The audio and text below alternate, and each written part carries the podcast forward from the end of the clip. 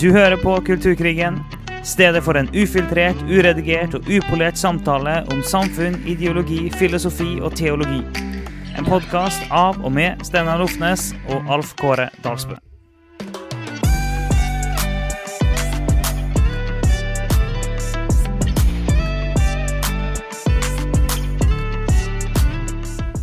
Nei, vi, vi er best når vi hopper ut i det. Det er da vi er best.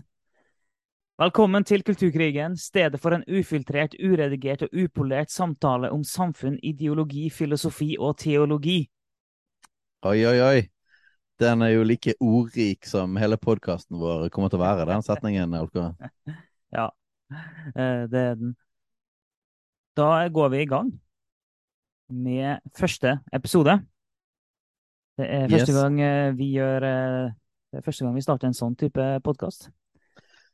Yes, og vi har jo, skal vi si det, at vi har jo eh, i flere måneder nå forberedt oss, og vi har lest, og vi har lyttet, og vi har skrevet manus. mer enn noen måneder, da. Ja, det er helt riktig. Det er helt riktig. Vi har gjort det et par år. Eh, Men helt konkret for denne podkasten så har vi forberedt oss så mye, og så tenkte vi at vi skulle begynne med veldige sånne dypdykk med heftige manus og sånn. Og så har vi vel egentlig kommet fram til at uh, Ja, og så ville vi ha liksom hatt ti podkaster på lager før vi begynte, og litt for forskjellig. Men så har vi jo egentlig funnet ut at uh, vi funker best under press og å bare kaste oss inn Ja. Så eh, det, derfor hopper vi inn i det. Vi har ingen podkaster på lager. Dette er første episode. Og så skal vi spille inn en episode i uka eh, framover. Så det skal bli interessant å få det til midt oppi alt det andre vi gjør. Og kanskje vi skal si litt om hvem vi er og hva vi gjør, da. Eh, Ja. I begynnelsen så er det sikkert folk som kjenner oss som hører på, men etter hvert så kan det være andre folk òg som eh, hører på det her. Vil du begynne, da? Hvem er du, Alf Kåre? Jeg er jo Alf Kåre Dalsbø, og jeg er en av pastorene i Jesusfellesskapet i Bergen sammen med, med deg. Yes. Eh, og så er jeg gift med Ellen og har tre barn på to, fire og seks år. Hvor gammel er du, Alf? Ja, si det. Eh, jeg er 32. 32 er det blitt nå, ja. Ja. Jeg vet at du er sånn ca. ti år yngre enn meg, men det er vel eh, Mm. ni, da? Ja, det er ni. Du er like gammel som min bror, Vegard. Ja, det er. 1990. Jeg er da eh, 40 år, blir 41. Du, har, Og du, har, eh, du har jo passert eh, halvdelen av livet, så du har jo begynt nedover nå. Yes. Men jeg har, begynt, jeg, har begynt å komme inn i årene av visdom og eh, erfaring. Ja, men jeg heter Steinar og eh, har tre barn, en hund, en kone, og eh, er kommet midt i livet. Men eh, jeg har òg blitt tenåringsfar, og på trappene til å ha to tenåringer, så det er liksom en ny fase, da. Så Og så leder jeg eh, menigheten Jesusfellesskapet, blant, blant annet sammen med deg, Alf Kåre, og et eh, herlig team. Og så holder vi på med utrolig mye forskjellig, både bibelskole og misjonsarbeid og diverse organisasjoner. Vi gjør veldig mye, så hvorfor i all verden skal vi gjøre det her i tillegg? Ja, det er et godt spørsmål. det- og det, det er jo et spørsmål som iallfall konene våre spør, spør oss om. ja. Hvorfor skal vi gjøre det her òg? Men dette her brenner jo virkelig i oss, da. Ja. Vi snakker utrolig mye om det, og, ehm, og vi brenner etter ikke bare å snakke om det, men å rett og slett hjelpe folk å forstå kulturen vi lever i, og å forstå noen av de ideologiske strømningene som eh, påvirker samfunnet vårt i dag. Um, og ikke minst utruste de som er kristne til å tenke bibelsk, og, og eh, hva sier Bibelen om disse tingene? Ja, for vi vil både hjelpe folk å forstå den tida vi lever i, men å hjelpe folk å se den tida vi lever i gjennom bibelske briller. Yes. Og eh, min påstand, vår påstand, er jo det at vi er utrolig påvirket av samtiden. Og langt inn i kristne kretser så tenker vi overraskende på linje med en del av disse ideologiene som påvirker kulturen vår. Vi er mer sekulære enn vi tror. Yes, og vi har uh, Vi kjenner et sterkt behov for, å- for å avsløre en del av det. Um, og, og hjelpe oss å tenke kristent. Så vi kan jo si litt om uh, hele ordet, si, navnet på podkasten. Kulturkrigen. Det er, jo, uh, det er jo ikke på en måte Det er ikke en forsiktig tittel på en podkast. Noen vil jo si at det er direkte polariserende og krigshissende. Noen vil sikkert si at det er veldig uvist å gå ut. Og vi er, vi er helt klar over at det er et hardtslående navn. Nå er jo kanskje vi litt hardtslående personer i tillegg, da. Eh, så vi, vi syns det passer greit for oss. Så vi er klar over at det kan eh, vekke negative assosiasjoner for noen med kulturkrigen. Og vi, vet at i visse kretser så er kulturkrigen eh, nærmest et skjellsord. Og jeg vil jo også si det at det, det, kan godt være at en del av kritikken som kan rettes mot oss, går på at vi er kulturkrigere. At vi er en del av kulturkrigen. Så kan vi like godt bare kalle det og en måte spøke litt med det. Eh, så på en måte spiller vi litt på lag eh, med det, og, og har litt eh, sjølironi, i tillegg til at vi samtidig mener at det faktisk er en krig, med hermetegn, mellom ulike virkelighetsforståelser. Det, og vi har ingen tro på at det finnes noen nøytral grunn når det gjelder virkelighetsforståelse. Du har det ene eller det andre, og det ene det dunker ut det andre. Det er ikke bare to, men, det er, men det, det, du, du, blir påvirka av flere, men likevel. Det er, det er ikke sånn at du kan ha mange virkelighetssyn på samme tid. Nei, og dette får konsekvenser, veldig konkrete konsekvenser, helt inn i skole, barnehage, eh, menighet. Film, menighet, film og TV, eh, utdanningsinstitusjoner, kulturinstitusjoner. Altså, dette påvirker kulturen vår ekstremt kraftig, eh, og det er, det er høy aggressivitet. Så jeg syns ikke at uh, kulturkrig er en overdrivelse, eller et for kraftig begrep. Jeg vil faktisk si det at det er faktisk i en del av I den parten som som jeg mener bestemt er den aggressive, angripende parten i denne konflikten, så er det et mål å ikke bruke det begrepet. Eh, fordi at det setter de i et dårlig lys. Eh, og i Norge så er det jo til og med sånn at eh, bare å snakke om kulturkrigen kritisk, det putter det liksom nesten på sånn ytre høyre eh, side. Og det vil jeg si er en konsekvens av venstresidens suksess med å dysse ned den enorme radikale forandringen som faktisk skjer. Eh, og vi mener at det er ganske enkelt objektivt sett og historisk sett å vise at eh, vi er faktisk inne i en kulturell revolusjon. Um, og uh, helt uavhengig av hva man mener, og hva det ståsted det på verdier og forskjellige av disse enkeltsakene og ideologi, så syns jeg at det er helt urimelig å si det at ikke vi, vi står i en uh, historisk radikal omveltning av verdier um, og kultur. Uh, de siste 50-60 årene så, så, har det vært en omveltning som vi fortsatt står i. Og jeg vil si det at, uh, at det har ikke sakket ned. Tempoet på det er ikke blitt lavere. Det er steinradikalt. Og vi skal gå inn selvfølgelig i uh, helt konkrete områder som dette påvirker. Men i denne første episoden har vi lyst til å tegne oss et bilde av de siste 50-60 årene eh, og forklare hva vi mener med kulturkrig. Kan ikke du si da eh, enda litt mer konkret, eh, hvis vi eh, forsøker oss på å gi en slags definisjon av hva er en kulturkrig? Yes. Uh, det, det, er jo en uh, amerikansk sosiolog som heter James Davidson Hunter, som populariserte begrepet kulturkrig. Han skrev en bok i 1991 som het Culture Wars, eh, med undertittel 'The Struggle to Define America'. Så det er klart at dette begrepet ble iallfall popularisert i den moderne versjonen av dette i USA. Eh, det kommer faktisk, Begrepet kommer faktisk fra enda tidligere. Uh, fra Tyskland, faktisk, uh, og keiserens kamp i forhold til den katolske kirke. Kulturkampen på tysk ble det kalt. Så det er, ikke, det er ikke fra Amerika i utgangspunktet, men klart den, den, kampen som vi står i nå, begynte i stor grad i Amerika. Men det er ikke isolert til USA. Det er i aller høyeste grad noe som foregår i hele, hele den vestlige verden. Eh, en kulturkrig er altså en kulturell konflikt mellom sosiale grupper og kampen for dominans av deres verdier, tro og praksis. Så eh, det refererer ofte til temaer der det er generell samfunnsmessig uenighet og polarisering i samfunnsverdier. Eh, for at det skal være en krig, så må jo det på en måte være ganske kraftige parter på hver side.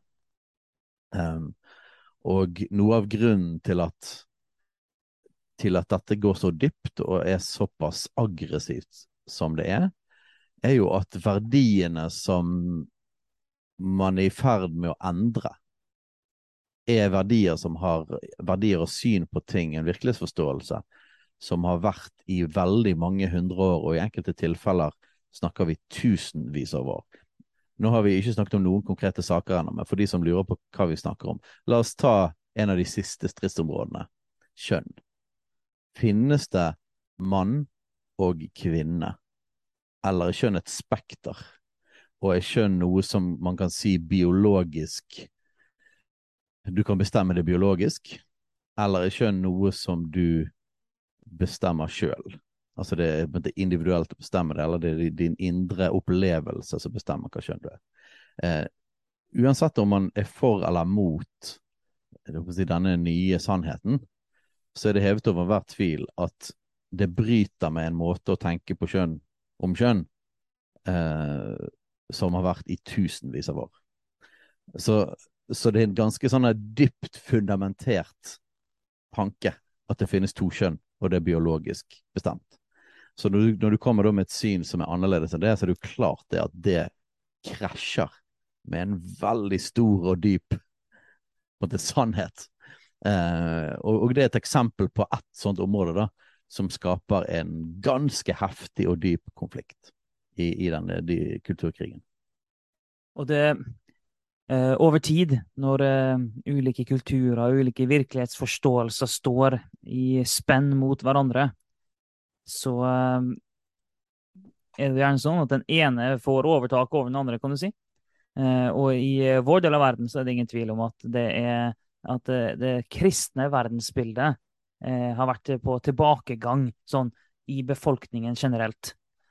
Eh, og så En ting er at vi tror at det er dumt, selvfølgelig, for vi tror at det er den beste måten å forstå verden på. Det er jo en ting. Eh, og så går ikke vi rundt og forventer at folk skal tenke som kristne og ikke være kristne. Eh, så det er jo en både viktig for oss at eh, kristne faktisk tenker kristent. det er det jo. Men eh, pga. at det er en sånn kamp mellom ulike virkelighetsforståelser, så Eh, mener jo vi likevel at det foregår en sånn systematisk dekonstruksjon av eh, det kristne verdensbildet. Og jeg er ganske sikker på at det er en del kristne som kan kjenne på et press. Og enten de kjenner det og forstår hva det går i, eller at de bare kjenner, kjenner på presset uten at de helt forstår konkret hva det er for noe. Eh, så er, så er det likevel sånn at det er For eksempel, det er ting en er redd for, for å snakke om. Det er temaer en unngår. Hvorfor all verden unngår en det? Jo, fordi at det er en del temaer som, eh, som ikke er like populært å ta opp, og som krasjer med, eh, med mer av det sekulære verdensbildet som eh, vi, vi, preges av i Norge i dag. Og du nevnte det med kjønn. Sånn kan, en, kan, en, kristen tro at det finnes 72 kjønn? Nei, det kan ikke en kristen tenke, for Gud skapte mann og kvinne. Ja, så kan vi gå mer inn i det, men det er bare for å tegne det litt opp. og Eh, en kristen som kan, kan, kanskje, kan, kanskje synes det er ubehagelig å si det at vet du hva, abort er faktisk ganske etisk problematisk. En kan bruke et veldig fint språk på det, og likevel kan det være vanskelig å ta opp og si at abort det er veldig etisk problematisk. Eh, eller bare si at du hva, jeg tror faktisk at, eh, at ekteskapet er en institusjon forbeholdt mann og kvinne, for eksempel. Det kan være veldig vanskelig å si sånne ting. Og hvorfor er det vanskelig? Sånn hvorfor er det vanskelig? Det er en grunn til det. Det er det. Sant, og det er jo masse sånne områder, da. For eksempel objektiv sannhet. Fins det noe som er sant? Og kan vi mennesker vite hva som er sant? Eh, finnes det rett og galt? Så det er begreper da som toleranse, for eksempel. Hva betyr det? Um, ja, vi kan gå langt i det der. Definisjonen av ordet kjærlighet. Eh, eller ordet mangfold.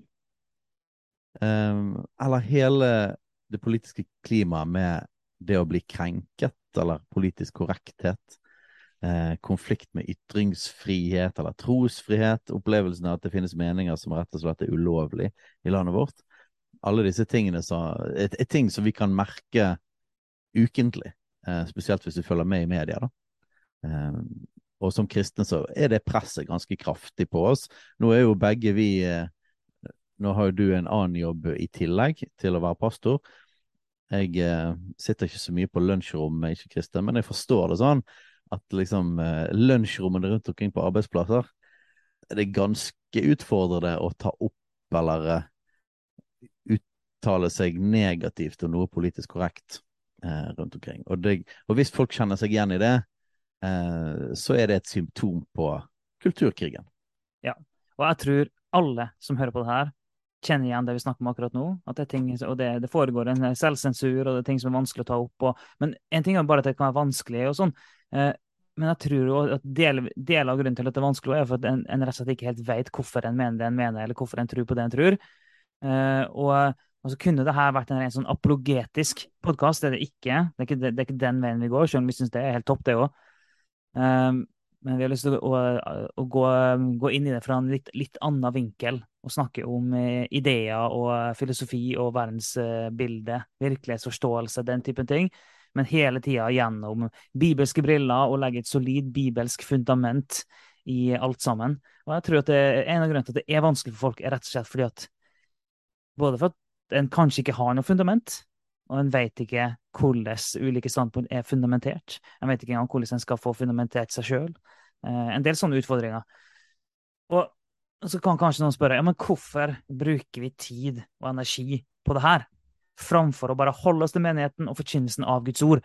For at vi er pastorer, og vi skal først og fremst forkynne Guds ord. Det er sant. Er det én mm. ting som vi skal holde oss til som nummer én, så er det å forkynne Guds ord eh, og utruste eh, kristne og vinne nye mennesker for Jesus. Det er oppgave nummer én. Det kommer alltid til å være nummer én. Og selv om vi spiller inn det her, så, eh, så viker vi ikke av fra det. En tomme. Men vi tror bare at dette er en del av bildet òg. Ja, og noen vil jo mene det at eh, vi kristne er ikke kalt til å være såkalte kulturkrigere. Vi er kalt til å uh, forkynne de gode nyhetene om Jesus. Vi er kalt til å til å vise um, verden godhet og Guds kjærlighet. Um, og vi burde egentlig holde oss langt unna alle disse her politiske og ideologiske stridsspørsmålene. Men vi har vel kommet til at um, selv om vi setter øverst det med å forsyne evangeliet, og vi tror det at menneskers hjerter trenger å bli forandret før liksom politikken blir forvandlet, så tror vi faktisk at dette er en del av det å forsvare evangeliet. Eh, og ikke minst det handler kanskje ikke, Denne podkasten er ikke primært for å overbevise folk som mener annerledes enn oss, om at de tar feil, eller noe sånt. Um, vi, vi tror at hovedsakelig så trenger man å få et møte med Jesus før man kan ta imot en ny virkelighetsforståelse og sannhetene i Bibelen. Men dette er vel primært egentlig for at vi kristne sjøl skal forstå hva vi tror på, og være bedre rustet inn imot den her ideologiske kampen som vi står i, og fordi at vi faktisk merker at dette her brer om seg langt, langt inn i menighetene. Um, så vi føler oss nesten tvunget da, til å til å konfrontere det, rett og slett for å beskytte evangeliet og beskytte Guds folk. I tillegg til at vi selvfølgelig vil vi nå ut med evangeliet til de som ikke tror. Så dette er ikke en evangeliseringspodkast, selv om du må gjerne høre på om du ikke kaller deg kristen. Eh, men dette er for at vi sjøl skal forstå, og at vi sjøl skal bli utrustet eh, til å være frimodige kristne i den tiden som vi lever i. Mm. Og et bibelvers eh, som eh, er viktig for oss i, eh, i arbeidet med denne podkasten, det er jo Kolossebrevet kapittel 2 vers 6 8. Der står det at eh, dere har tatt imot eh, Kristus Jesus som Herre. Lev da i ham, vær rotfestet i ham og bygd på ham. Hold fast ved den tro dere er opplært i, med overstrømmende takk til Gud. Pass på at ingen får fanget dere med visdomslære og tomt bedrag som stammer fra menneskelige overleveringer og grunnkreftene i verden, og ikke fra Kristus. Det er noen sånn eh, definerende vers for det som vi det driver på med her. At eh, Jesus, han, vi har tatt imot han som herre. Vi er ikke lenger herre i våre egne liv. Vi kan ikke lenger si at det, det her er min sannhet, det der er din sannhet. Vi kan ikke si sånne ting som at men min Gud er ikke sånn. Vi kan ikke si sånne ting, for vi har tatt imot Jesus som Herre. Så lever vi i Han, og vi må være rotfesta i ham og bygd på Han. Så må vi holde fast ved den tro som vi er opplært i. Så står, står det 'pass på at ingen får fanget dere med visdomslære', som også kan oversettes til filosofi og alle denne verdens tanker, og tomt bedrag som stammer fra menneskelige overleveringer og grunnkreftene i verden. Ehm, det er en veldig god oppsummering av hva det er vi eh, gjør i denne podkasten her. Nå på ubestemt tid hver uke framover. Yes. Og det er jo rett og slett dette her, da. Dette bibelverset sier det. Pass på at ingen får fanget dere med visdomslære eller filosofi. Det er jo faktisk det som er utfordringen. At vi ser at det er faktisk veldig mange kristne langt inn i våre menigheter frimenigheter, karismatiske menigheter til og med, som, som uh, tror radikalt på evangeliet og, og, at Bibelen er Guds ord, så merker vi at dette her, denne filosofien, faktisk fanger folk. Um, så dette verset er en sånn kjernevers egentlig for, for hele podkasten vår. Ja, det er det. Uh, og uh, hvis det er noen ting som former vårt verdensbilde mer enn Guds ord, så må vi gjøre noe med det. Vi tror at det er Bibelen, Bibelen, Guds ord, som skal forme vår måte å se verden på, som skal forme vår virkelighet. Eh, og hvis det ikke er det, så må vi gjøre noe med det. Og vi tror, og vi, vi merker egne liv, vi ser det i egen menighet og andre menigheter, så ser vi at det er mye annet som former virkelighetsforståelsen til mange kristne. Og det har vi lyst til å være med og gjøre noe med. Yes. Og så har vi jo Vi liker å gå dypt i ting. Um, og derfor har vi en podkast nå der vi ikke har bare 20 minutter eller eh, 40 minutter. Vi snakker så lenge vi har lyst. Så lenge vi vil i hver podkast. Om det er én time eller to timer eller tre timer, det får vi se. Yes. Og så og vet vi at det er noen som liker mer sånne her eh, korte og konsise podkaster, men vi sjøl hører jo på, på, ting som kan eh, vare én til to til tre timer. Eh, og så vil jeg oppfordre deg, hvis du er litt sånn, eh, hvis du hører på dette og tenker åh, nei, jeg, dette var litt langt, så tenk at det går an å bare slå av når du er ferdig. Og så når du skal høre podkast igjen, så bare slår du på igjen. Eh, appen den eh, takler vet du, å fortsette der man slapp. Så, så det, det er en ting som heter pause. Yes. Så det er ikke sånn at man må liksom bare høre én episode i, i strekk. Hør, eh, hør, så langt du orker, og så bare begynner du på videre. Det, vi gjør sånn hele tida sjøl. Og, og, jeg vet at eh, noen har lyst til som du sier, lage korte podkaster, noen har lyst til å ha podkaster som, som, du rekker å høre det på veien hjem fra jobb og, og sånne ting.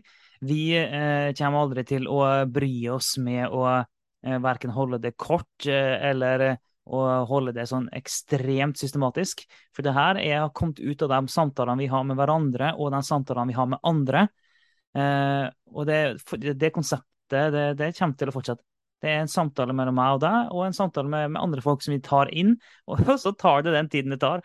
Og så får folk ta trykk på pause når det, de ikke kan høre mer, og fortsette eh, senere. Så håper vi da at det, det, er interessant nok til at folk henger med likevel. Yes. Og vi liker å gå dypt i ting, og vi har tenkt å dykke ned i ganske kompliserte saker etter hvert. Eh, gå inn i forskjellige filosofier og ideologier og historier. Eh, og da trenger vi litt tid. Um, og dette er liksom måten vår til å liksom lage et medium for oss sjøl der vi virkelig kan få gå inn i det. Uh, og så er vi veldig opptatt av at at vi ikke bare diskuterer enkeltsaker. Det har egentlig frustrert meg veldig ja, i mange år. Det er sant. At, uh, liksom Abortsaken kommer opp, eller homofilisaken, eller uh, i kristne medier rett før sommeren så var jo det den underordningsdebatten. Og for oss da så er det bare automatisk så går vi liksom ned og prøver å se på fundamentet under. Eh, eh, for sakene vil på en måte avgjøre seg sjøl så lenge fundamentet er på plass. Um, og derfor blir en del av sakene egentlig bare et symptom på en annerledes virkelighetsforståelse, eller at det er noe som er forskjellig i fundamenter. Så det er det vi har, det det vi har lyst til å snakke om. Hva er fundamenter? Og hvis du allerede har kjøpt og dette opplever jeg med mange kristne. Hvis du allerede har kjøpt måten man tenker på i kulturen vår, mm. men du er kristen, og, og, du tror på Bibelen som Guds ord, eh, du tror på at det Bibelen sier om for, for forskjellige enkeltsaker, la oss si f.eks. abort. Og så tror du at ok, ifølge Bibelen eh, så er livet fra, fra unnfangelsen av hvert eneste menneske skapt av Gud. Eh, det er galt å drepe. Eh, hvert livet hellig. Så mener jeg derfor at abort er galt. Så du holder på enkeltsaken. Men hvis du samtidig har kjøpt eh, verdens tankegang, eller det ideologiske fundamentet for abortsaken, så er det veldig vanskelig å holde på den meningen. La meg ta eksempel hva jeg mener med det. Eh, hva er det som ligger under abortsaken, eller de som mener at abort er greit? Nei, én sannhet er det at eh, Sannhet i hermetegn er at eh, barn er en økonomisk og følelsesmessig belastning, uh, ikke en velsignelse. Så et barn kan være et minus. I under rette omstendigheter er det et pluss, men i utgangspunktet så er det så krevende med et barn, fordi at et barn kan stå foran meg og min selvrealisering, eller meg og min karriere. Eh, så da Derfor er de tingene, min individuelle frihet over økonomi, over eh, min utdannelse osv., er så viktig at i, når vi er på vektskålen, så blir et barn mindre viktig. Eh, og da har du allerede tatt et langt skritt på veien til å kunne akseptere si, selve abortsaken. Eh, fordi at du har kjøpt hele tankegodset under. Så jeg mener at når det kommer til abortsaken, så er det ikke hovedsakelig bare det at abort eh, eh et, foster, et foster er et barn, ikke en celleklump. Det er ikke bare det som er saken. Eller liksom, det er ikke bare en kvinnes kropp, det er faktisk et liv. Eh, og, og drepe galt. Det er ikke bare den saken vi må eh, kjempe for. Det vi må kjempe for, er den som ligger under nemlig at Gud sa 'vær fruktbare og bli mange'.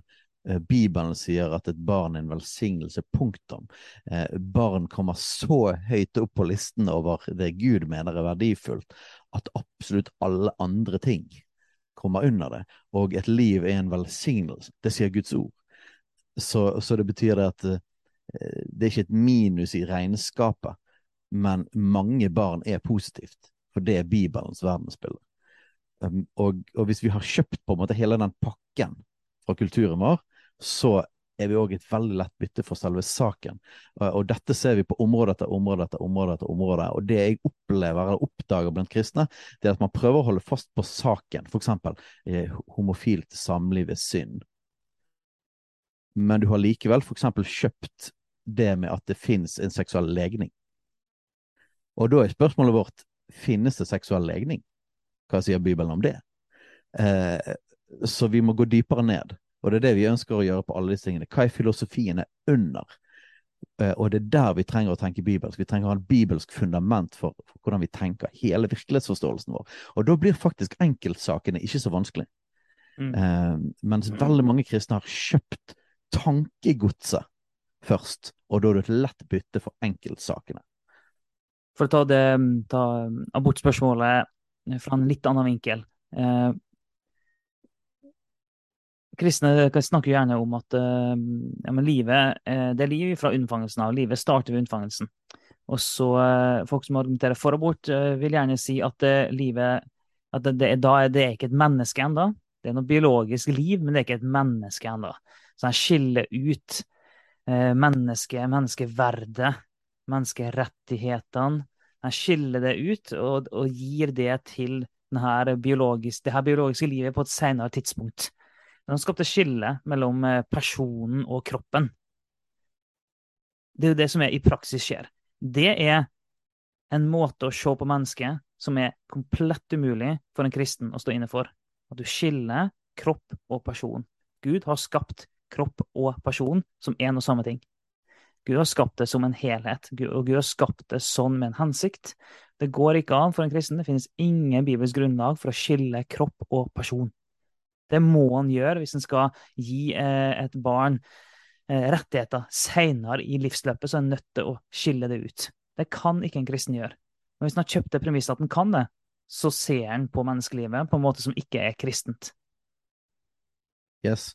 Og nå bare tar vi noen litt sånn, litt sånn kjappe eksempler. og jeg, jeg vet jo ikke om folk klarer å henge helt med, men vi prøver å illustrere det, det at vi, vi må gå til det ideologiske tankegodset under. Vi trenger en kristen virkelighetsforståelse, en bibelsk tankemåte. Eh, og det løser egentlig veldig lett veldig mye av de kontroversielle sakene. Ja. Og vi står så mye mer støtt.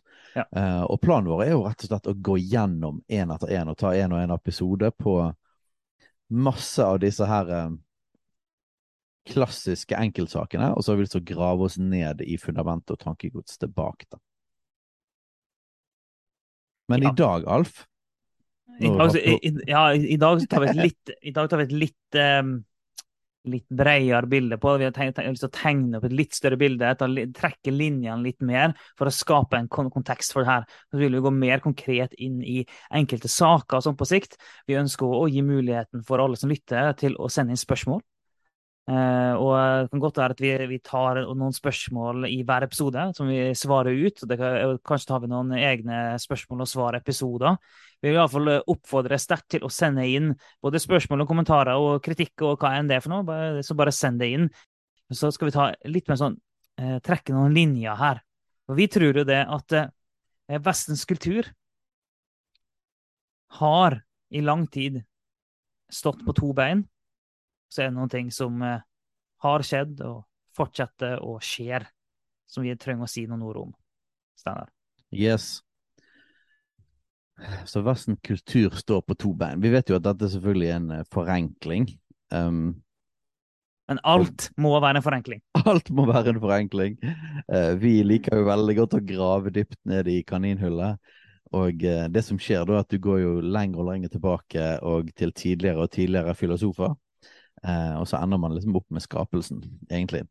Eh, men, men vi vil prøve likevel å tegne et, eh, et bilde som Selv om det kanskje, kanskje kan mangle noen nyanser, så, så tror vi at det er sant, og at, at det forklarer oss mye. Um, så sånn som vi ser det, så står vestlige, den vestlige kulturen på to bein. Sant? Norske kulturen er jo en del av den vestlige kulturen. Og um, den første og mest dominerende første og mest sånn dominerende søylen eller beinet som kulturen vår står på, det er kristendommen. Eh, fra rundt år 300, når kristendommen blir statsreligion i Romerriket, eh, fram til Ja, sånn rundt på 1700-tallet, eh, når opplysningstiden kom, så var kristendommen dominerende eh, i Europa. Og den vestlige kulturen stammer jo fra Europa. Eh, de, etter krigen så har jo kanskje USA vært den mest sånn dominerende kraften i den vestlige kulturen, men, eh, men i begynnelsen var det jo Europa. Så kristendommen var altså det dominerende verdensbildet. Kristne verdensbildet var dominerende. Det betyr at kristne verdier, hva som er rett og galt, eh, kom fra kristendommen. Lovverket og, og statsbyggingen som etter hvert kom eh, i Europa, var veldig basert på kristne verdier. Eh, den norske grunnloven var basert på den kristne troen. Det, det sto veldig klart og tydelig. Nå er det blitt endret til kristne og humanistiske. Eh, og akkurat den endringen i Grunnloven er egentlig en god illustrasjon på hva som etter hvert skjedde, nemlig at eh, fra rundt 1700-tallet eh, og videre de hundre årene etter, så kom det en ny dominerende Et nytt dominerende paradigme, kan du si. I opplysningstiden så kom ateismen. Det var en ukjent ting før det. Eh, av det vi vet, så har så godt som alle kulturer i alle deler av verden eh, hatt tro på en gud eller guder. Eh, så ateismen var en nyvinning i Europa. Eh, darwinismen brøt fram og ble jo eh, utrolig eh, viktig for måten vi i Vesten har begynt å tenke om oss sjøl, hva et menneske er, hvordan vi ble til. Eh, sekularismen, altså skillet mellom stat og kirke, eh, kom fram i opplysningstiden. Og den moderne vitenskapen eh, startet i forbindelse med opplysningstiden, og selvfølgelig både 1700-tallet og spesielt 1800-tallet. Og det som kalles da modernismen, eh, ble etter hvert kanskje det mest dominerende den mest dominerende virkelighetsforståelsen og verdisystemet eh, i Europa og den vestlige verden. Eh, men kristendommen har jo ikke da forsvunnet. Den har jo vært der hele tiden, og det har vært, eh, det har vært både samspill og eh, interne brytninger mellom disse to strømningene. Eh, men den etablerte kristendommen har jo mistet mer og mer terreng eh, i Europa til fordel for si, modernismen eller opplysningstidsidealene, darwinismen, ateismen, moderne vitenskapen.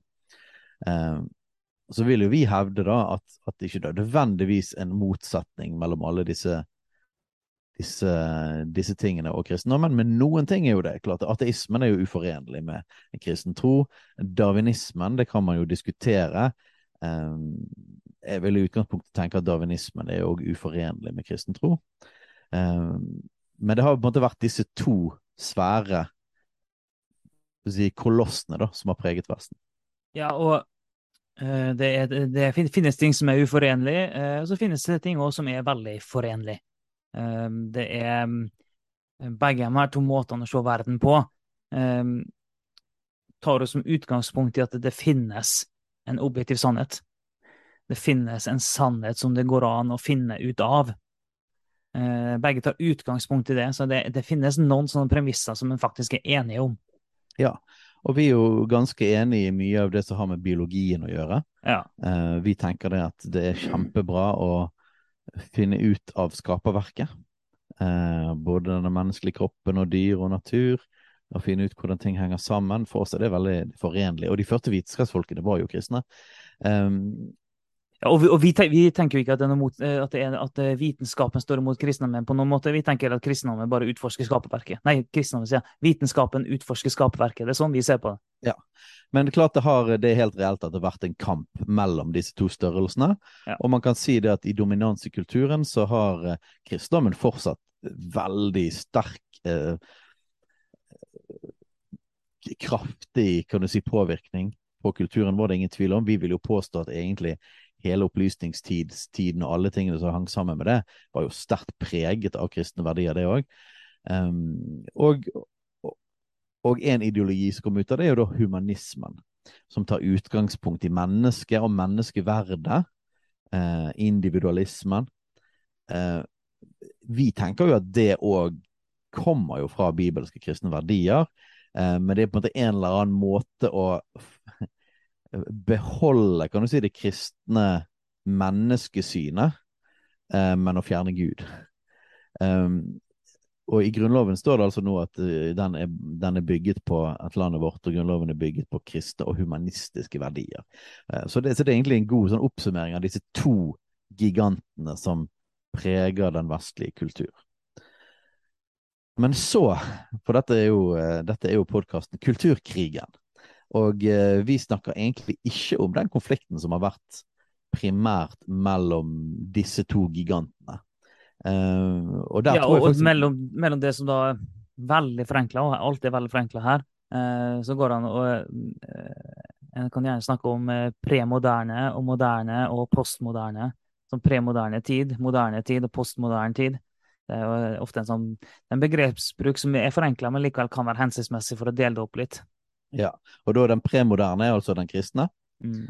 Den moderne, eller modernismen, er jo da eh, opplysningstidsidealene og alle disse bevegelsene som kommer ut av det.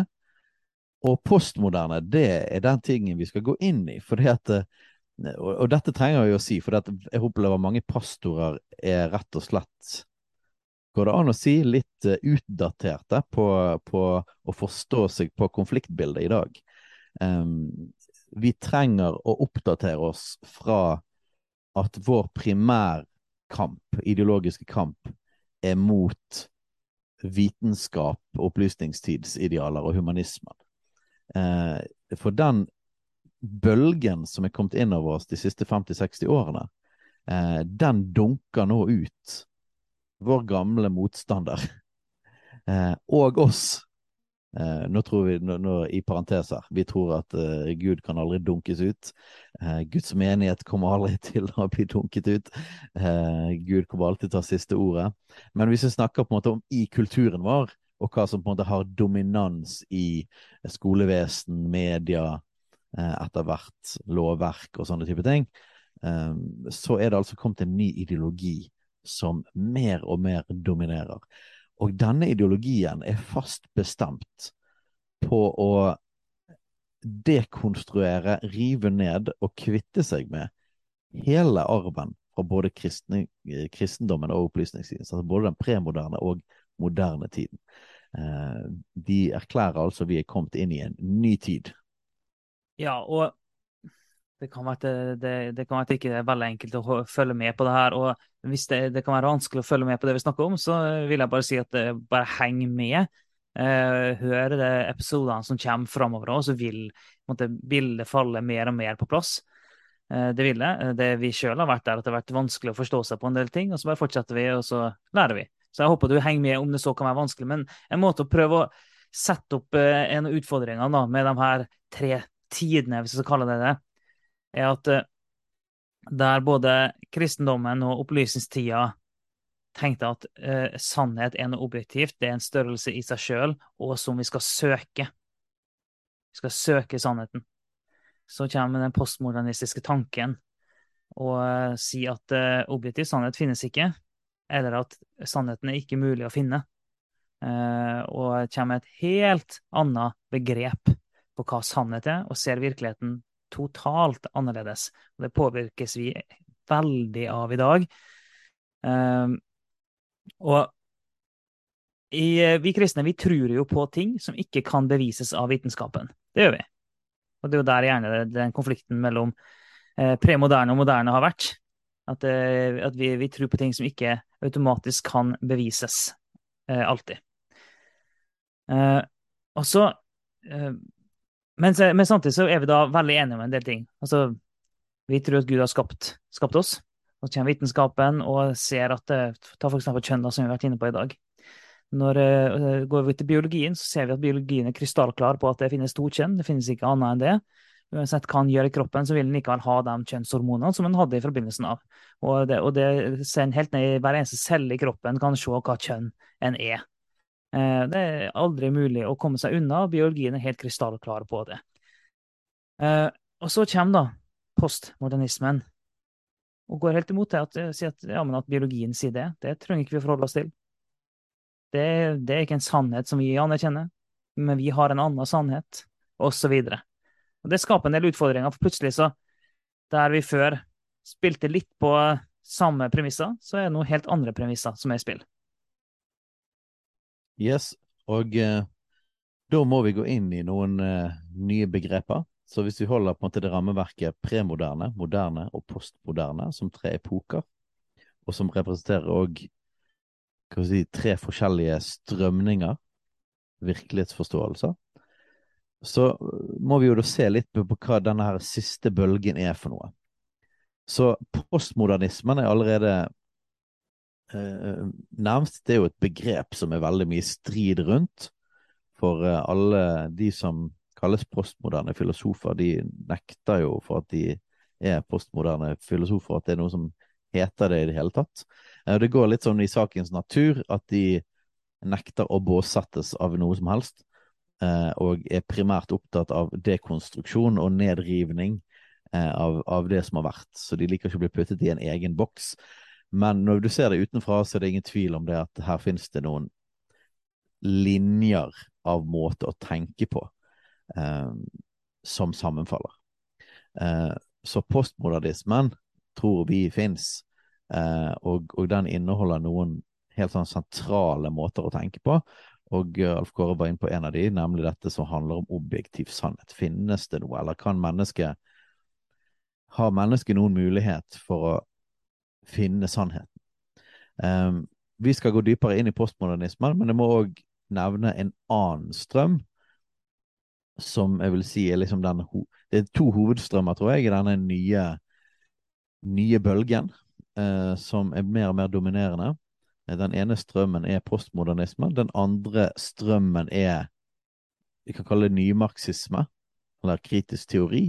Eh, det har jo, det, som, som, navnet sier, sine røtter fra marxismen, men dette er ikke den klassiske gamle marxismen som vi er kjent med. Eh, dette er en moderne variant, og som òg har blandet seg sammen med postmodernismen og skapt kan si, en ny ideologi. Um, I USA så er det jo, og England, de engelskspråklige landene, så pleier man ofte bare å bruke samlebetegnelsen woke, eller wokisme, eller social justice movement, eller sånne type ting.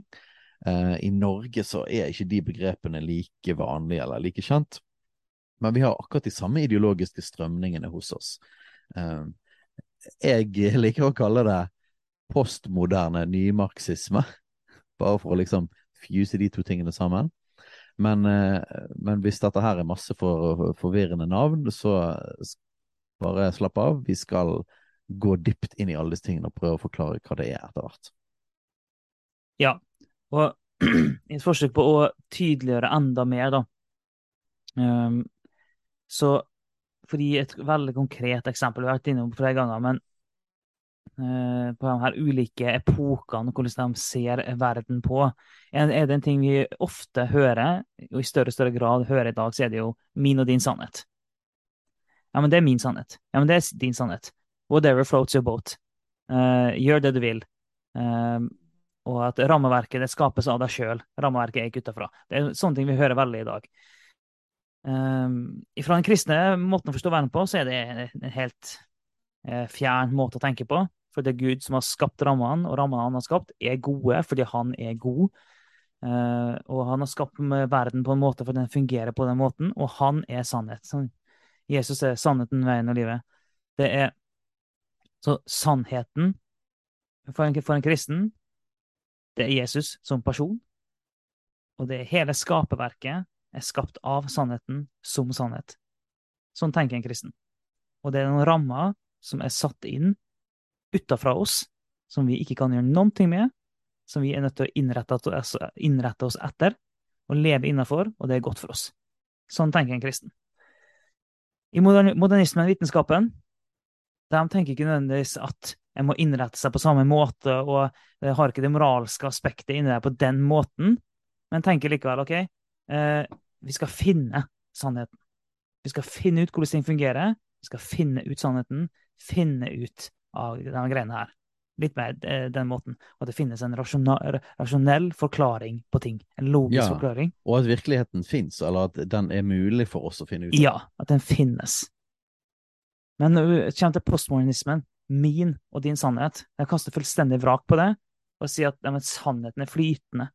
Det er det jeg bestemmer meg for og jeg er herre over hva som er min sannhet.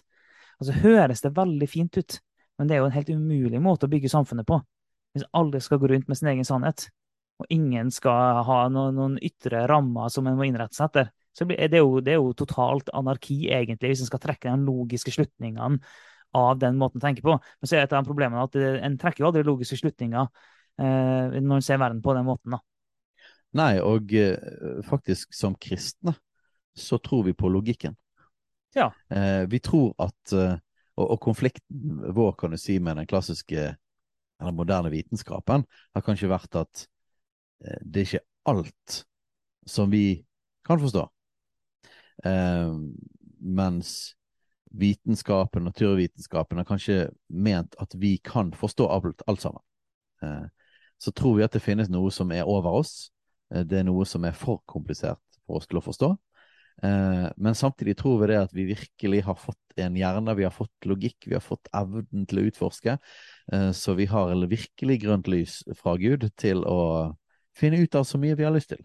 Men vi trenger en ydmykhet, og det er kanskje den største forskjellen kan du si, mellom det premoderne kristne og, og det modernistiske. opplysningstiden, vitenskapen, de tingene, er det at vi, vi, vi, opp, vi, mener at det er best å utforske verden og finne ut av ting og bruke logikken med en uh, ydmykhet og en erkjennelse av at Gud er stor og over oss alle. Um, og, og, han er, er utafor det vi kan forstå. Ja, han, han er større og utenfor det. Um, mens nå, denne nye bølgen, den postmoderne bølgen, hevder jo at logikk i seg sjøl ikke fins. Eh. Noen vil kan til og med påstå det at logikk er bare en hersketeknikk. Mhm. Eh, og at det faktisk kan være undertrykkende i seg sjøl. Det er et helt ny, måte, helt ny måte å tenke på. F.eks. hvis du kommer med et logisk argument, så istedenfor å høre på argumentene og finne ut om det er sannhet. For hvis man ikke tror at det nødvendigvis finnes sannhet, bare individuelle betraktninger, så er de opptatt av helt andre ting. For eksempel, hvem er personen som sier disse ordene? Altså ikke hva er ordene som blir sagt, men hvem er disse personene som sier noe?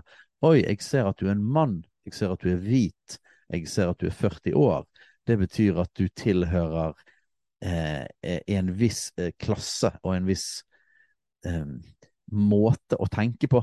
Så du snakker ikke ut fra objektiv sannhet, eller du snakker ikke logikk. Du bare taler din sak. Du ønsker å få makt.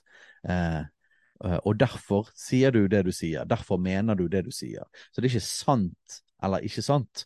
Spørsmålet er eh, eh, måten man ser hele verden på, er helt annerledes. Og det handler hovedsakelig om dominans. Hvem dominerer, og hvem undertrykker de? Så undertrykker, undertrykt er på en måte hele linsen, ikke sannhet og logikk. Eh, og det er klart at når man da diskuterer med noen som eh, ser verden på den måten, så er det jo total miskommunikasjon. Det er virkelig sånn god dag man økseskaft. Man, man snakker ikke ut fra de samme premissene. Ja, og det der er jo eh, Vi skal ha egne episoder hvor vi går dypere inn i hele den måten å se verden på, og hele konseptet med undertrykte undertrykker og, og alle de tingene der. og Vi kan faktisk touche mer inn på noe, men før vi i alle fall gjør det, så skal jeg spole bitte litt tilbake igjen. Fordi og uh, Det kan godt være at noen tenker nå gjentar dere selv mange ganger her, men uh, det er helt sikkert noen som trenger det òg. Det gjør vi med vilje. Det gjør vi med vilje. Men for å spole litt tilbake, for å få fram noen kontrastene vi har, vi har berørt temaet det med kjønn flere ganger i dag. en kristen tenker Gud har skapt mennesket Gud har skapt mann og kvinne. Det, altså, det er sånn en kristen tenker. Bibelen er veldig tydelig på det. Gud har skapt det sånn. Ok, Så kommer eh, den moderne vitenskapen og vise og bekrefte Ja, eh, rasen menneske er delt opp i to kjønn. Vitenskapen viser det som vi, vi har trodd hele tida, og vi tror Gud har skapt sånn. Mennesket er skapt med to kjønn. Sofia, du kan snakke om interkjønn og sånne ting, men det er sånn, helt sånn marginal det der noen ting har gått galt. Så det er en helt sånn annen sak. Det er helt krystallklart ved vitenskapen, biologien viser oss, det er to kjønn. Og så kommer postmodernismen og sier jeg er det jeg vil være, jeg er det jeg føler at jeg er. Alt handler om min erfaring av virkeligheten. Så kristendommen tenker jeg, Gud har skapt det sånn, sånn er det, uavhengig av hva jeg erfarer. Erfaringen er viktig, erfaringen er gyldig, men den forandrer ikke brannmannen. Eh, og eh, moderne vitenskapen den kommer inn og sier sånn er det. Den kan også si at erfaringen er viktig og gyldig, men det her er rammene. Og så kommer postmodernismen og sier det her er erfaringen, sånn er det. Det er rammene. Yes. Så, for å ta dette et skritt lengre vi, vi uh, roter jo rundt i grøten på hvert punkt her med vilje, for å prøve å få så mange som mulig med. Uh, og som sagt, som Alf Kåre sier, her gjelder det bare å høre ting om igjen og om igjen hvis man ikke forstår. Og hvis man da lengter etter å forstå disse tingene her. Um, men hvordan var det altså dette skjedde? For det fins en sånn historiefortelling her som jeg tror òg er greit å forstå. Så hvordan var det vi gikk da fra kristendommen, eller det premoderne, til det moderne, opplysningstiden og hele den den industrielle revolusjonen, opplysningstiden og alle de tingene der. Og hva var det som gjorde at vi kom derfra til denne nye måten å tenke på? Um, og det som nå ser ut til å dominere hele kulturen vår. Det har ikke en så veldig lang historie. Og vi står midt opp i den revolusjonen ennå. Eh, ingen av oss vet hvor lenge den kommer til å holde på. Eh, det kan godt være at den kommer til å få et backclash innen kort tid, og at um, det viste seg at det var bare en liten, forhåpentligvis liten del av historien. Men det vet vi ikke. Det kan være at den dominansen kommer til å fortsette i lang, lang tid. Og uh, som en kristen da vil du si det at det vil være totalt undergravende for hele samfunnet vårt eh, om denne ideologien fortsetter å få samme fotfaste og dominans som den nå har i omtrent alle institusjoner eh, i vår kultur. Så hvordan i all verden skjedde dette? Eh, og da må vi se tilbake på noe som jeg tror egentlig eh, de aller fleste vet om. Det er bare at man kanskje ikke vet om dybden i hva som faktisk skjedde, og hva skiftet som skjedde. Uh, og da må vi tilbake til 60-tallet. Og jeg regner med at veldig mange har hørt om at det var et eller annet som skjedde på 60-tallet. Um, det er sånn at etter uh, andre verdenskrig så var det en generasjon i USA som ble kalt babyboomers. Vi hadde egentlig akkurat det samme i Norge. Uh, det ble født veldig mange barn etter andre verdenskrig, og det var en tid av oppbygning av samfunnet. Eh, hele den vestlige verden hadde jo vært i krig, eh, og det var krig i store deler av resten av verden. Eh, men alt fra USA til Australia og New Zealand og Norge og Storbritannia og Frankrike osv. Det som kalles den vestlige verden, var i denne epoken i en oppbygging av landene sine. Og det som preget etterkrigstiden og den generasjonen som ble født etter andre verdenskrig, var det at det ble en, eh, det ble en enorm kulturkløft mellom foreldre og barn. Er det, er det, noen, er det noen som har hørt om 68-erne? ja. 68. Og jeg tenker at dette er egentlig ganske kjent i vår kultur, så her er det bare at vi vil minne om dette her rammeverket, hva som skjedde, og så fylle det med litt mer ideologisk innhold, og at vi skjønner hva, hva som faktisk skjedde. Men det, det, ofte snakker man jo om 50-tallet som en enormt konservativ tid. Eh, og, og, det var det. Det var en tid med en tid med sterke sterkt fokus på kjernefamilien. Eh, sterkt skille, kan du si, kjønnsrollene. Mannen var ute og arbeidet. Eh, kvinnen var hjemme på barn og var på kjøkkenet. Eh, og det blir nesten så brukt som en slags parodi, nesten, eh, på det konservative.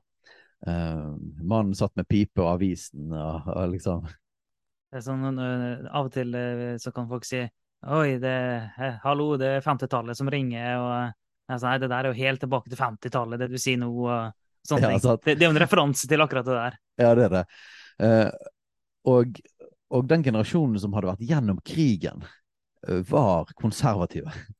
Eh, og, og, de hadde jo kanskje fått noen perspektiver, da, eh, med en så opprivende tid. Og holdt fast på konservative, solide, klassiske verdier.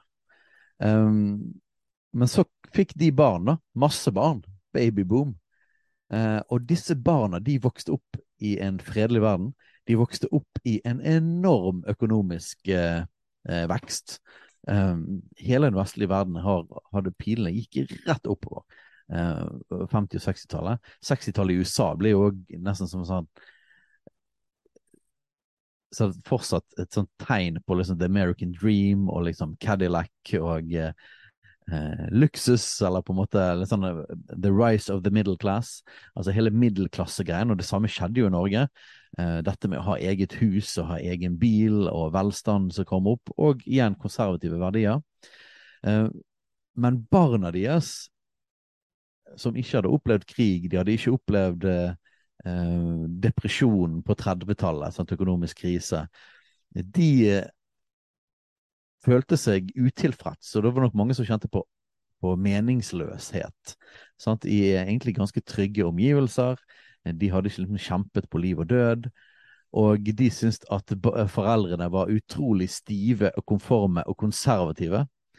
Um, og den nye generasjonen ville utforske verden og sprenge disse her kjedelige, trange rammene til foreldrene. Og dette var jo da hardt arbeidende foreldre som hadde måtte, opplevd hvordan det virkelig var å ha det tøft, og var veldig moderate på mange områder. Og så kommer altså barna deres, og da eh, man har jo, Kanskje man har sett uh, filmer som Grease, som er liksom litt sånn der uh, helt i begynnelsen av de tingene der, og så etter hvert kommer da 68-generasjonen og hippiebevegelsen, Woodstock og hele greia der. Og så eksploderer det rett og slett på slutten av 60-tallet til noe som må kunne kalles en revolusjon, en kulturell revolusjon. Uh, og uh, ikke bare betyr det at folk liksom fikk langt hår eh, og gikk i litt sånne blomstrete klær. ikke bare betydde det at liksom rock'n'roll virkelig kom fram, men det var jo the summer of love og den seksuelle revolusjon. dette med sex utenfor ekteskapet og at man kan ha sex med hvem man vil, og make love, not war, eh, eksploderte jo på slutten av 60-tallet. Eh, først i, på vestkysten i USA, sant? San Francisco, California, eh, men så eksploderte det utover hele den vestlige verden. Eh, og jeg tror ikke det var noen eh, bygd i Norge på slutten av 60-tallet og begynnelsen av 70-tallet som ikke hadde hippier. Um, og denne generasjonen var da I USA så kaller de det counterculture. Altså de var motkulturelle og ville sprenge alle de gamle rammene. Så den seksuelle revolusjon var en del av dette her. Eh, Narkotikaeksplosjonen eh, begynte med dette. Først med marihuana, hasj og de tingene der, men, og LSD, og så eksploderte det med hardere og hardere stoffer. Um, andre ting som skjedde, var jo at det var the new left, altså nye venstresiden i USA, men i Norge så fikk de jo oppsving av sånne ting som AKPML, altså um, Arbeidernes kommunistparti, marxist-leninistene og venstreradikale strømninger. Um, det var tider av masse demonstrasjoner, demonstrasjoner mot Vietnamkrigen, Uh, jeg har nevnt musikken var en ting, men så kom det òg masse nye ideologiske strømninger, som feminismen. Uh, hvis vi skal være flisespikker, så var det altså det som kalles andre generasjon eller andre bølgefeminismen, for det hadde vært en tidligere feministbevegelse som kjempet for kvinnelig stemmerett og sånne ting lenge, lenge før dette. Uh, men denne andre bølgefeminismen kom. Skilsmisseeksplosjon begynte i forbindelse med både den seksuelle revolusjonen og feminismen.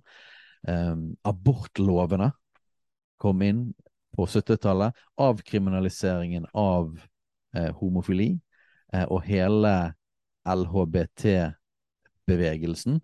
Eh, Q og I og alle disse andre bokstavene kom litt inn etter hvert, men, eh, men, eh, men hele den bevegelsen, eller noe vi kaller pride-bevegelsen, begynte eh, på samme tid. Pornorevolusjonen kom. Og, og, i samme tid kom også prevensjonen, som òg uten tvil var en veldig stor grunn, sammen med abort, til at man kunne leve mye mer seksuelt utsvevende uten de samme konsekvensene som tidligere. Um, og så mange andre ting. Så det er bare en lang liste av forskjellige bevegelser og radikale forandringer som skjedde. Og å kalle dette noe mindre enn en revolusjon eller en kulturell revolusjon vil være ja, en sterk underdrivelse. For dette har rett og slett brutt ned hele den denne konservative, um, kristendominerte rammen som var i den vestlige verden. Eh, og det rare er jo det at eh, i begynnelsen så spilte jo disse tingene her sammen med eh, kan si, de som var antikristne og var mer på den liberale eller eh, opplysningstidssiden. Men etter hvert som denne her bølgen har tatt opp i kraft og blitt mer og mer postmoderne, så har jo faktisk så er jo faktisk evolusjonsbiologene og disse klassiske vitenskapsfolkene er nå plutselig kommet mer over på de kristenkonservative side på en del sånne spørsmål. Mm. Eh, det er noe vi òg kan se, se, mer på. Men uansett, slutten av 60-tallet var en kjemperevolusjon, og det satte i gang en hel haug med forskjellige bevegelser som har rett og slett forandret den vestlige verden eh, og har fått mer og mer og mer og mer dominans. Eh, og denne revolusjonen den avtar ikke styrke. Den tar rett og slett bare nye områder etter nye områder. Eh, og dominerer, som sagt, både i media, nyheter, eh, utdanningsinstitusjoner. Og vi lever mi- midt i det i dag. Eh, og vi lever i alle konsekvensene av det i dag. Og um, i begynnelsen så var det mer for Da hadde det en sprengkraft i seg av liksom, at det var noe nytt, og de ville ha frihet og hele den pakka der.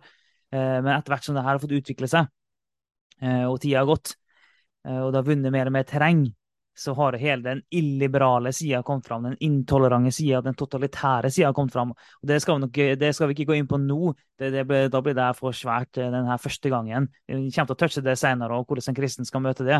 Eh, Men det, det har utvikla seg, da. Eh, Alt det her har utvikla seg i den retning, for jo mer dominans det har fått, jo mer totalitært har det blitt. da. Ja, og det er jo interessant. Det som begynte som en opprørsbevegelse mot det etablerte og konservative, Mm. Er jo nå sjøl blitt den dominante bevegelsen. Ja. Eh, og og det, det er det som ofte oppleves veldig rart for en kristen, er at en del av de progressive, en del av de som på en måte er radikale og fortsatt står på barrikadene for disse her samfunnsforvandlingene, de behandler kristendommen fortsatt som akkurat som at vi nå var den dominante. Mm. Eh, det er jo helt sant at i veldig lang tid så var vi det. Eh, men nå har det altså gått et par generasjoner. Vi er jo begge barn av folk som vokste opp, altså våre foreldre vokste opp i starten av denne her revolusjonen. Eh, men vi har jo nå fått våre egne barn. Jeg har fått en tenåring, Gen Z som de kaller seg, som som er jo nå generasjon to etter dette skjedde. Altså det er tre generasjoner nå fra, fra denne her revolusjonen begynte. Eh, og det vil være underlig å si nå at det er kristenkonservatisme som er det dominerende i den vestlige verden. Men det oppleves nesten sånn noen ganger som at de behandler oss som at vi faktisk er de som har liksom makten. Eh, og de undertrykkende som må kjempes imot. Og noen ganger så forundrer det meg over mangelen på selvinnsikt, at det er de sjøl som nå har makten overalt, eh, og vi faktisk er blitt en minoritet. Um, men det er liksom, vi er det kristenkonservative er fortsatt den store fienden eh, for denne bevegelsen. Um, men den har, som Alf sier, tatt så mye terreng nå at den er dominerende. Ja, og vi vil eh, dykke mer inn i det, om, om veldig mange andre temaer, og snakke mer om epoker og alt sånt. Men det vi hele tida vil holde fast på, det er at Bibelen, Guds ord, er tidløs. Den gir oss det vi trenger for å møte denne tida her, for å møte enhver ny kulturell revolusjon. Bibelen er det vi trenger for å møte det. Yes. Eh, For å låne en formulering av eh, vår gode venn Daniel Sambrunsen som han hadde på sin podkast Preach. Han har jo en podkast som heter Liv og lederskap. Eh, En god venn av oss. Han sa der en gang at vi tror at Bibelen er Guds åpenbarte, inspirerte og ufeilbarlige ord til alle mennesker på alle steder til alle tider. Skriften er klar i sin tale, nødvendig og tilstrekkelig for å kjenne Gud, og øverste autoritet for all tro, lære og liv. En knallgod formulering av hva vi tror når det gjelder eh, Guds ord, og vi tror Guds ord er relevant inn i enhver setting. Og vi tror at eh, Bibelen viser oss hvordan vi skal møte enhver ideologi, filosofi og ethvert spørsmål som måtte reise seg. Så kan Bibelen likevel vise, vise oss vei. Og vi snakker strømninger som beveger seg i kulturen, og hvor mange som måtte flyte med. Og mange mennesker lar seg bare flyte med det som til enhver tid er den rådende kulturen. Men vi tror at det finnes en bedre vei, som er skapt av vår skaper og åpenbart for oss i Bibelen. Og det, det er ikke sånn at vi finner svaret på alle tidsbegrensa og konkrete spørsmål i Bibelen, men alle spørsmål har sitt opphav i et verdensbilde. Alle spørsmål kan spores tilbake til tidløse spørsmål. Så ved å se verden gjennom Bibelens briller, så vil vi se den verden som Gud skapte. Og det her verdensbildet det kan gi oss tidløse svar på alle tidløse spørsmål, som igjen gir oss svaret i tidsbegrensa og mer konkrete spørsmål. Tidsspesifikke spørsmål. Ja. Det betyr ikke at vi får konkrete svar på alle konkrete spørsmål, men vi vil alltid få en retning. Yes. Vi har alle et verdensbilde. Vi har Mm. alle en virkelighetsforståelse. Vi har alle briller som vi ser verden gjennom. Og ofte så kan det være vanskelig å forstå hva briller du har på. Mm. Eh, men, men det vi har lyst til, er å på en måte minne om de bibelske brillene.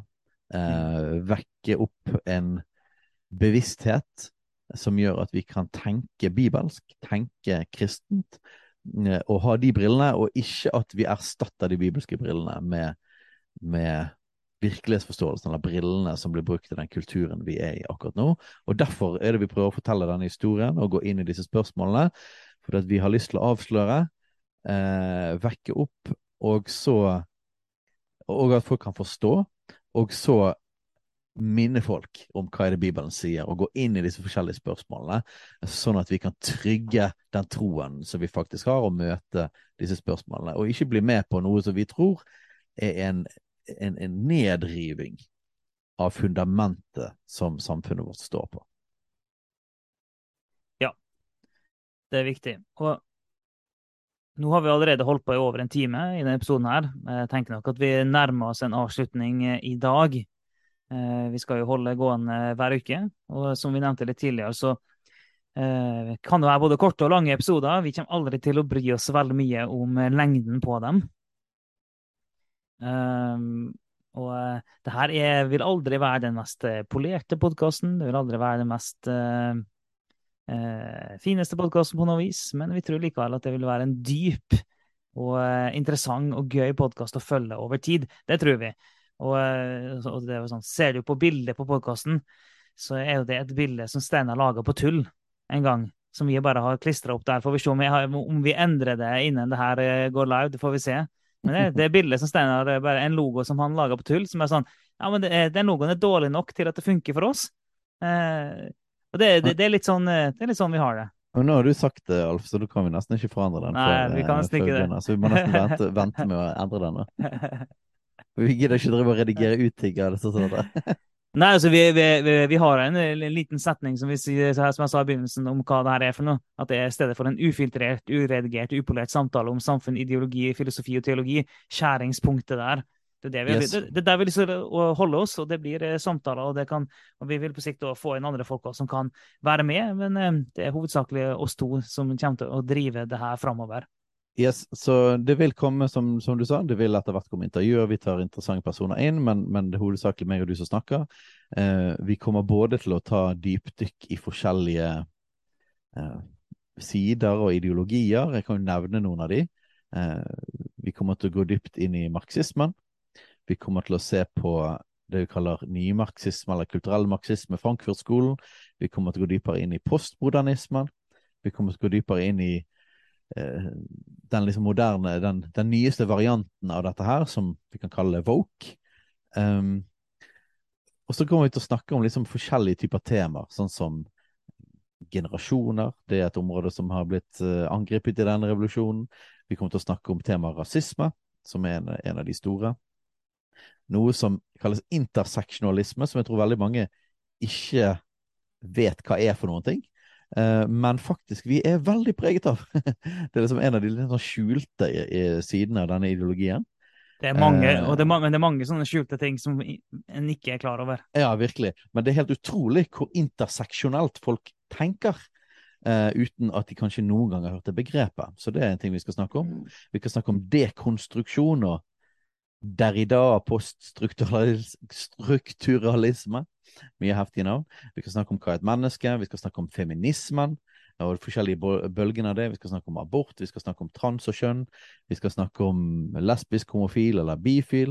Vi snakker om den seksuelle revolusjonen osv. og Så, videre. så disse tingene kommer vi til å, til å ta noen dypdykk inn i, men samtidig så vil vi òg ta opp ting som skjer, eh, og som er i mediebildet og aktuelle spørsmål, som gjør at vi binder oss ikke helt til at, eh, at alle disse temaene kommer vi til å ta helt sånn rekkefølge. Det kommer litt an på hva som skjer i nyhetsbildet. Vi har så mange samtaler vi har hatt eh, mellom oss og med våre venner om ting som skjer i nyhetsbildet, som vi har hatt veldig lyst til å ta opp i en sånn podkast.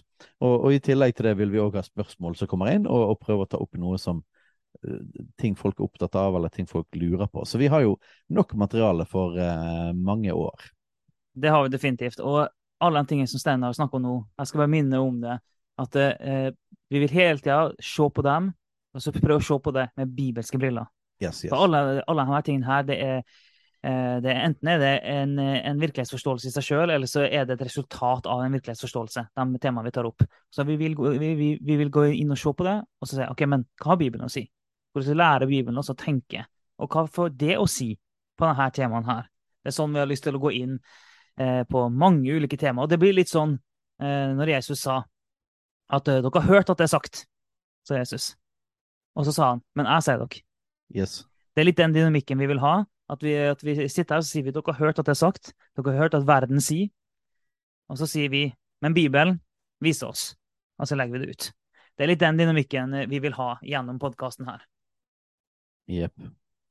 Ja, men så bra, Alf Kåre. Da tror jeg vi har kommet til slutten av første episode.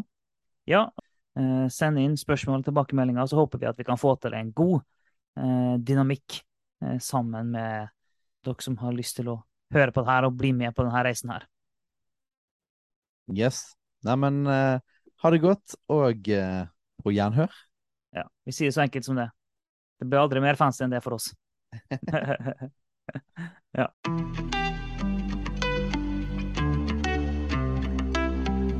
Takk for at du lytter på Kulturkrigen. Om du har tilbakemeldinger, spørsmål, hva som helst egentlig, send inn til post alfakrøllkulturkrigen.no eller på sosiale medier.